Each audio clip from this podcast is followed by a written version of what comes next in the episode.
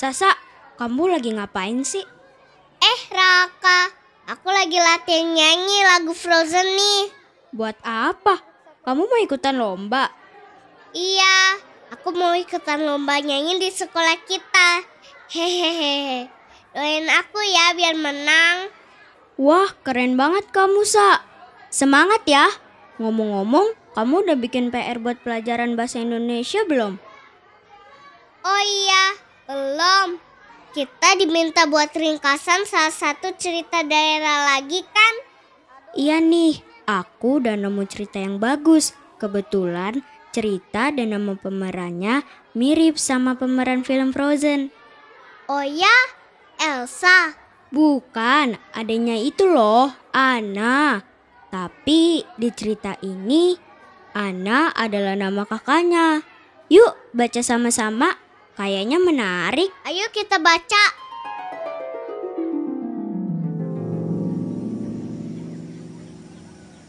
Dahulu kala, di kaki gunung tertinggi di Sumba, terdapat desa yang bernama Desa Ilalauzo. Kehidupan di desa itu tentram dan aman. Tapi, pada suatu hari, desa tersebut dilanda wabah demam yang mengakibatkan banyak orang meninggal. Desa itu dipimpin oleh seorang rato yang bernama Umbupati dan istrinya bernama Rambuloru. Mereka memiliki dua putri bernama Rambu Ana dan Rambu Asih. Pada suatu hari, istri Umbupati terjangkit demam, sehingga Umbupati mengumpulkan para ahli beserta orang-orang penting di rumahnya. Apa yang bisa kita lakukan untuk melenyapkan wabah ini? Aku juga belum tahu apa yang harus kita lakukan. Sudah banyak penduduk yang meninggal akibat dari wabah ini, Tuan. Umbupati terlihat sedang berpikir.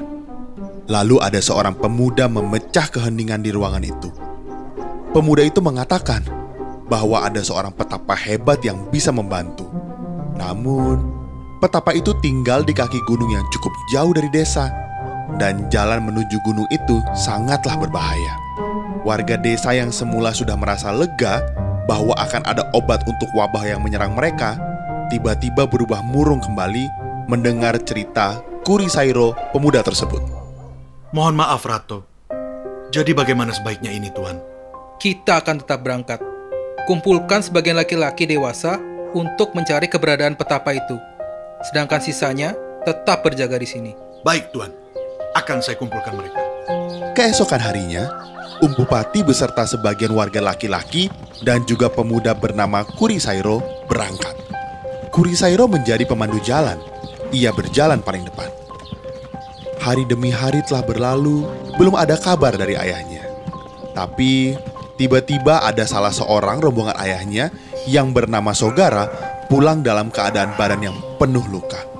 Rambu Asi adalah orang pertama yang melihatnya. Sogara, apa yang terjadi? Semua ini adalah tipu daya pemuda itu. Ia mengorbankan kami semua kepada dua raksasa buas dan lapar agar ia terlepas dari kejaran dua raksasa itu. Saat kami melawan raksasa itu, aku terlempar jauh dari yang lainnya. Lalu, apakah ada yang selamat, Sogara? Setelah terlempar, aku tidak sadarkan diri. Begitu aku sadar dan kembali ke tempat pertarungan kami, di sana sudah tidak ada siapa-siapa. Raksasa itu pasti membawa mereka termasuk dengan Rato Umbupati. Rambu Ana dan Rambu Asi terdiam dan memeluk ibunya yang terlarut dalam duka. Setelah kejadian itu, kondisi ibu mereka menjadi semakin memburuk. Dan akhirnya, ibu mereka menghembuskan nafas terakhir. Tahun demi tahun berlalu, dan wabah demam yang menyerang desa itu berangsur hilang. Warga desa mencoba bangkit dari kesedihan mereka, tidak terkecuali Rambu Ana dan Rambu Asih. Mereka kembali menata kehidupan baru. Kita harus membagi tugas agar kita tetap hidup. Aku akan pergi bekerja di ladang. Dan kamu, Rambu Asih, kamu di rumah saja untuk merawat serta membersihkan rumah. Selain itu, siapkan makanan untuk kita berdua. Baik, Rambu Ana. Tapi kesedihan tak berhenti di situ saja. Desa mereka kembali ditimpa musibah. Hujan yang tak kunjung turun menyebabkan kebun menjadi kering dan membuat mereka semua kelaparan. Pada suatu hari, Rambu Asih sedang membersihkan rumah. Tiba-tiba datang seorang pengemis laki-laki yang sudah tua dan juga lusuh. Pengemis itu meminta makanan kepada Rambu Asih. Tolong kakek nak. kakek belum makan beberapa hari. Kek, masuklah ke dalam rumah. Akan kusiapkan makanan untuk kakek. Jangan nak, di sini saja. Baju kakek kotor dan juga bau. Tidak apa-apa, kek. Rambu Asih masuk ke dalam rumah menyiapkan makanan. Pada saat keluar dari dapur, ia membawa makanan dan juga pakaian ganti untuk si kakek. Kek, ini makanan untukmu. Dan gantilah baju kakek dengan pakaian ini. Maaf nak, tapi baju siapakah ini? Baju ini terlalu bagus untuk kupakai nak.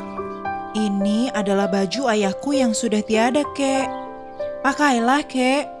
Akan lebih berguna jika baju ini kakek pakai. Hatimu sungguh baik sekali nak.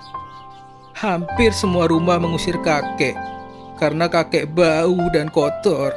Tapi kau malah menerimaku, memberikan pakaian dan makanan. Terima kasih, Nak.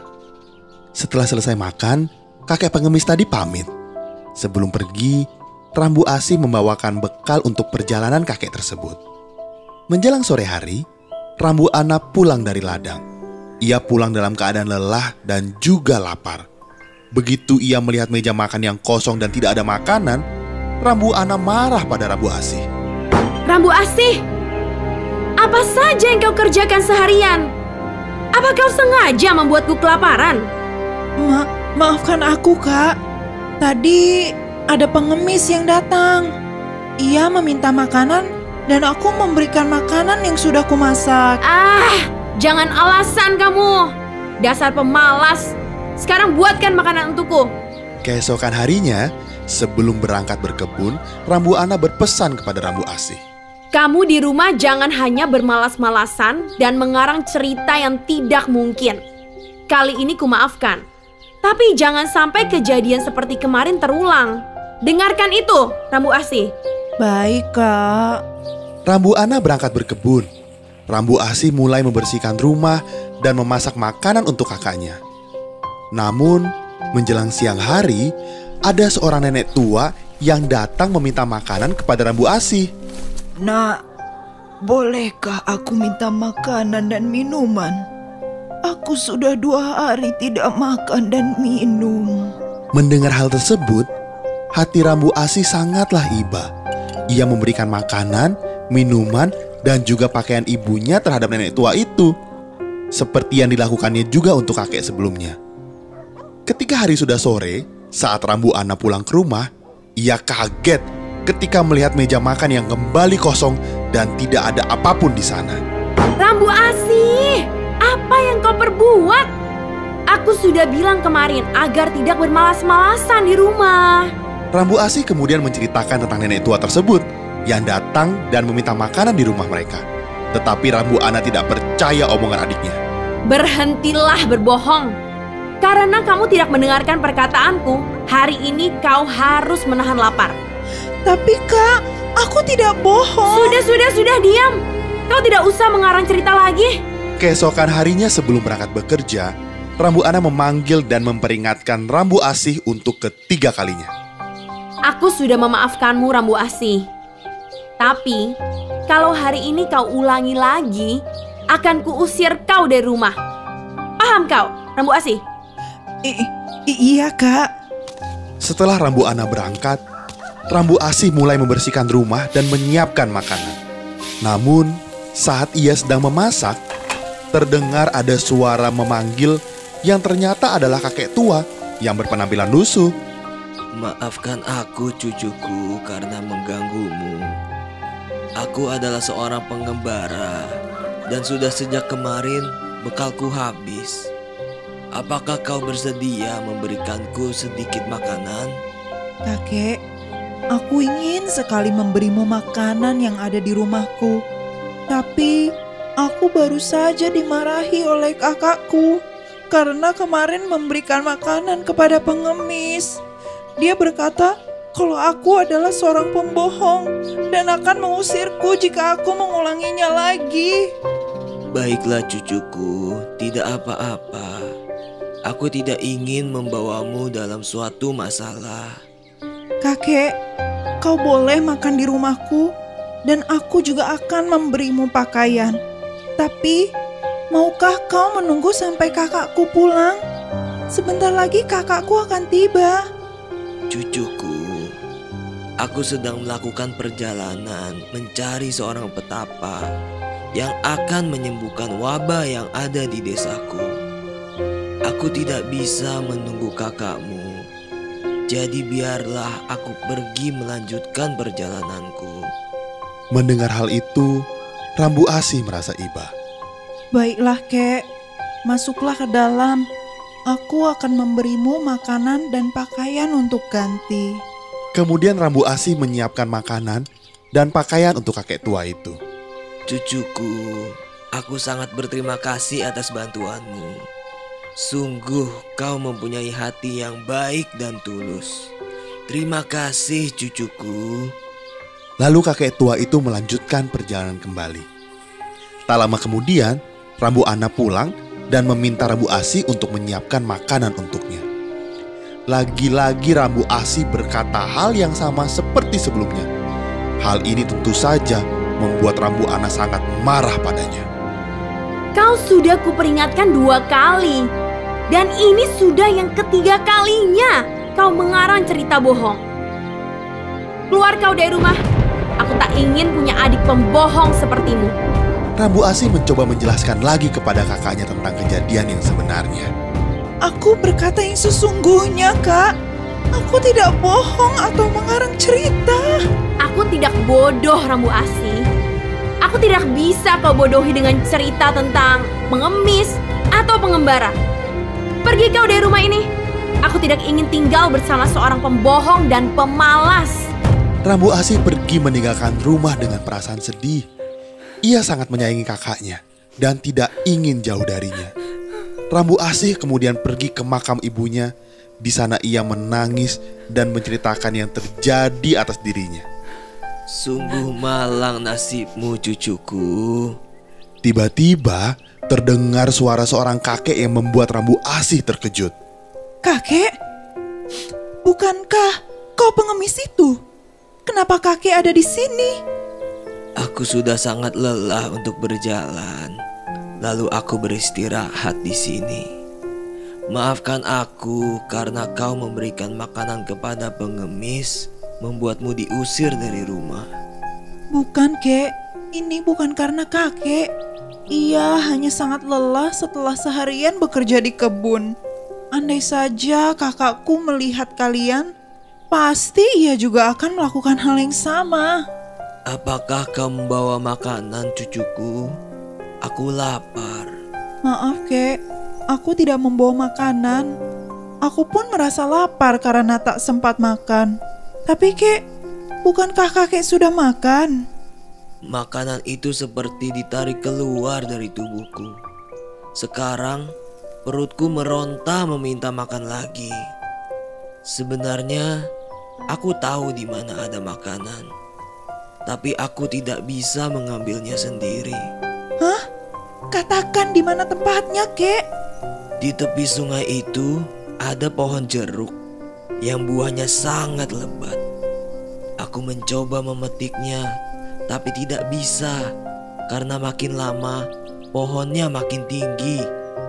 Karena aku lelah melompat-lompat, aku putuskan untuk mandi. Saat itu juga rasanya kesedihanku hilang dan membuatku ingin menyanyi. Pada waktu aku menyanyi, pohon jeruk itu perlahan kembali ke ukuran semula. Aku pun terus bernyanyi agar aku bisa mengambil buah jeruk itu. Tapi suaraku sudah habis dan aku pun tidak bisa mendapatkan jeruk itu. Maukah kau melakukannya untukku, Nak? Rambu Asi masih terdiam dan takjub dengan cerita kakek itu.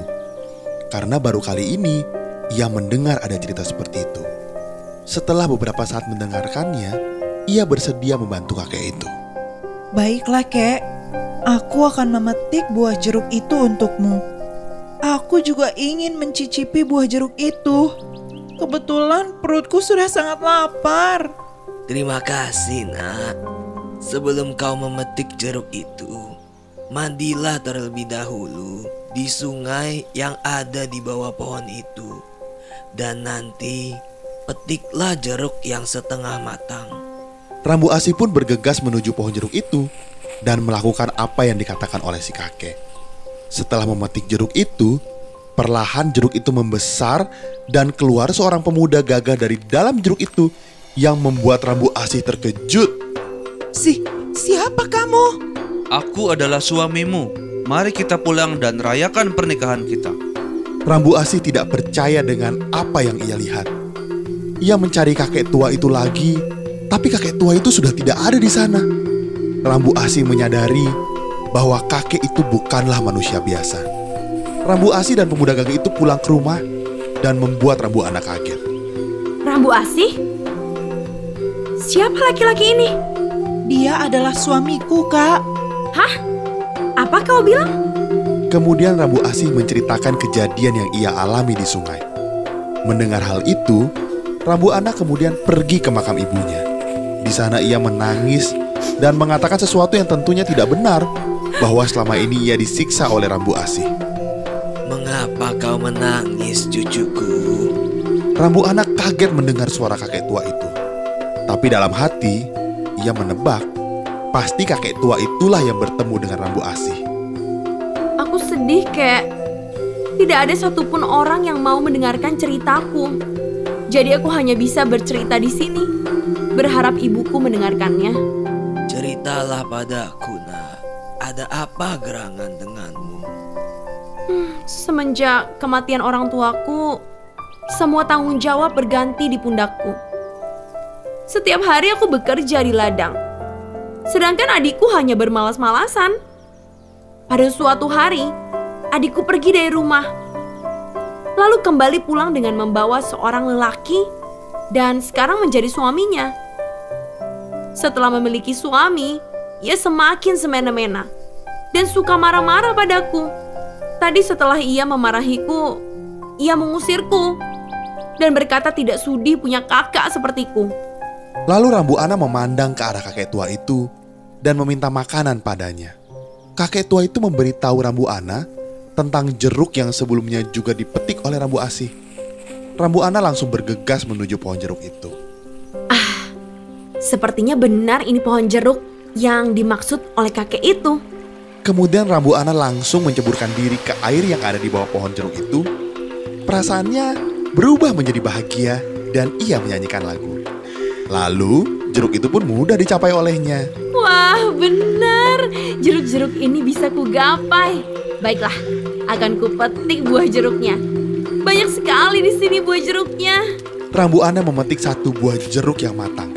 Ia tidak menghiraukan pesan kakek tua itu dan berharap ia mendapatkan seorang lelaki yang lebih gagah dan hebat dari suami Rambu Asih.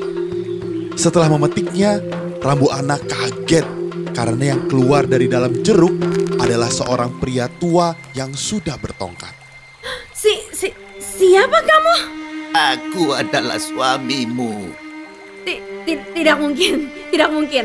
Bukan kamu yang aku harapkan. Merasa dibohongi oleh kakek tua itu, Rambu Ana lari ke dalam hutan menemui kakek tua.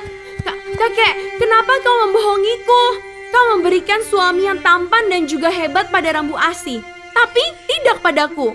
Aku sudah peringatkan padamu untuk memetik buah jeruk yang setengah matang. Tapi kau tidak menghiraukanku. Jadi itu adalah pilihanmu sendiri. Kau tidak boleh meninggalkannya. Rambu Ana akhirnya pulang dengan membawa suami yang sudah tua. Dalam perjalanan menuju ke rumahnya, banyak tetangga yang membicarakan tentang suaminya itu. Coba lihat pria tua yang bersama dengan Rambu Ana. Iya, iya. Aku dengar pria tua itu adalah suaminya. Rambu Ana memperlakukan suaminya dengan kasar. Tapi pria tua itu tidak membalas perbuatan kasar Rambu Ana. Ia sangat sabar menghadapi Rambu Ana. Selain itu, ia juga membantu Rambu Ana bekerja di kebun. Karena badannya sudah tua, ia menjadi sakit-sakitan. Tetapi Rambu Ana tidak mau mengurusnya, sehingga Rambu Asih lah yang merawatnya. Kak, apakah kau tidak kasihan kepada suamimu? Ia sedang sakit, Kak. Bukannya aku tidak mau membantumu, tapi dia adalah suamimu. Ia membutuhkanmu, Kak. Tidak mau aku mengurusnya. Kau urus saja dia. Suami Rambu Ana pun menemui ajalnya. Ia meninggal dan Rambu Ana merasa kesepian karena Rambu Asi sudah hidup bahagia dengan anak dan suaminya. Ia tidak ingin menyusahkan Rambu Asi karena penyesalan yang begitu dalam. Setiap hari Rambu Ana menangis dan meminta maaf kepada mendiang suaminya. Maafkan aku suamiku. Aku begitu jahat padamu. Rambu Ana terus menangis yang membuat badannya perlahan menjadi lemah dan sering sakit. Rambu Asi merawat kakaknya dan selalu menyemangatinya untuk melawan penyakitnya. Kak, kakak harus sembuh. Kakak harus makan yang banyak agar tenaga kakak pulih kembali. Akan tetapi badannya semakin lemah sehingga ia pun meninggal.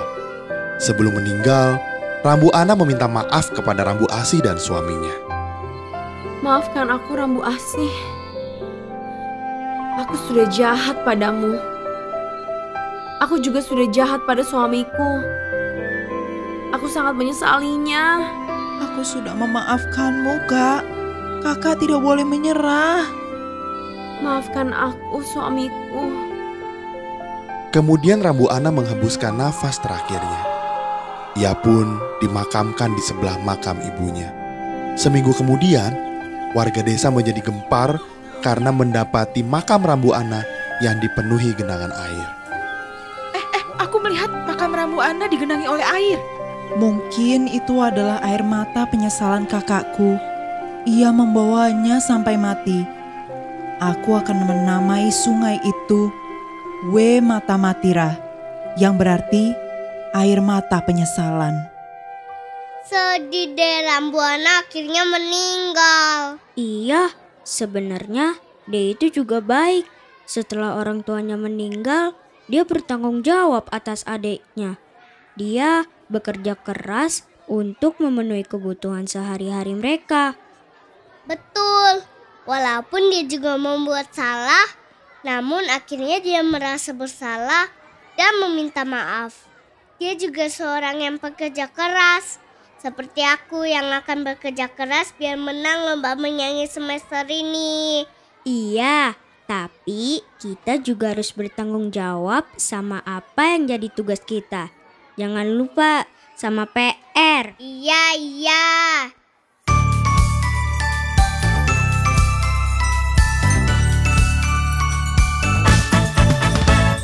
Hai kamu anak Indonesia, pelajar Pancasila. Jadilah anak yang mandiri, kreatif bernalar